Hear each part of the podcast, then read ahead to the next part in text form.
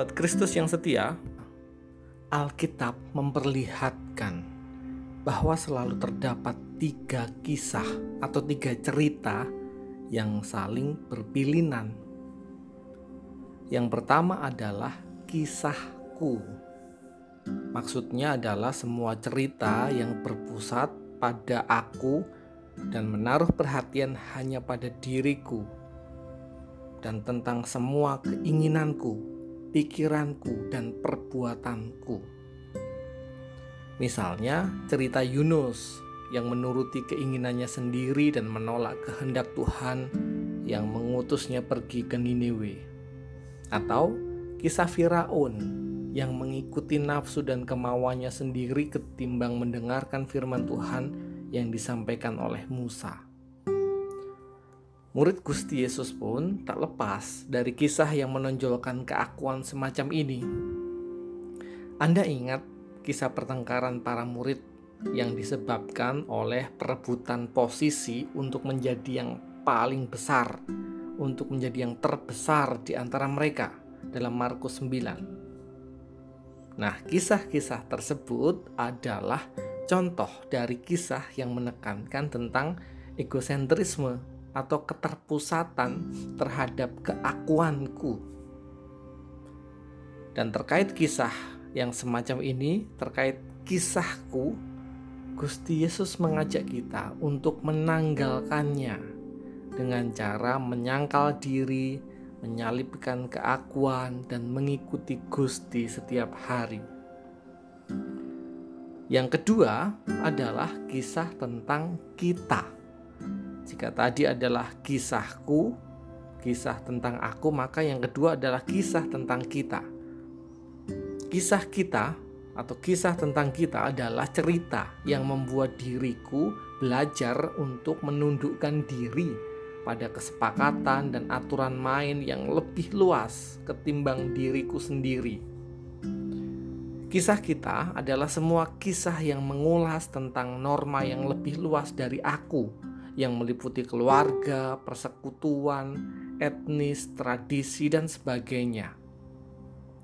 Contohnya adalah kisah tentang anjuran melibatkan persekutuan sebagai cara lanjutan yang harus dilakukan jika upaya yang ditempuh untuk mengingatkan sesama yang bersalah melalui mekanisme pertemuan empat mata dan delapan mata tidak berhasil.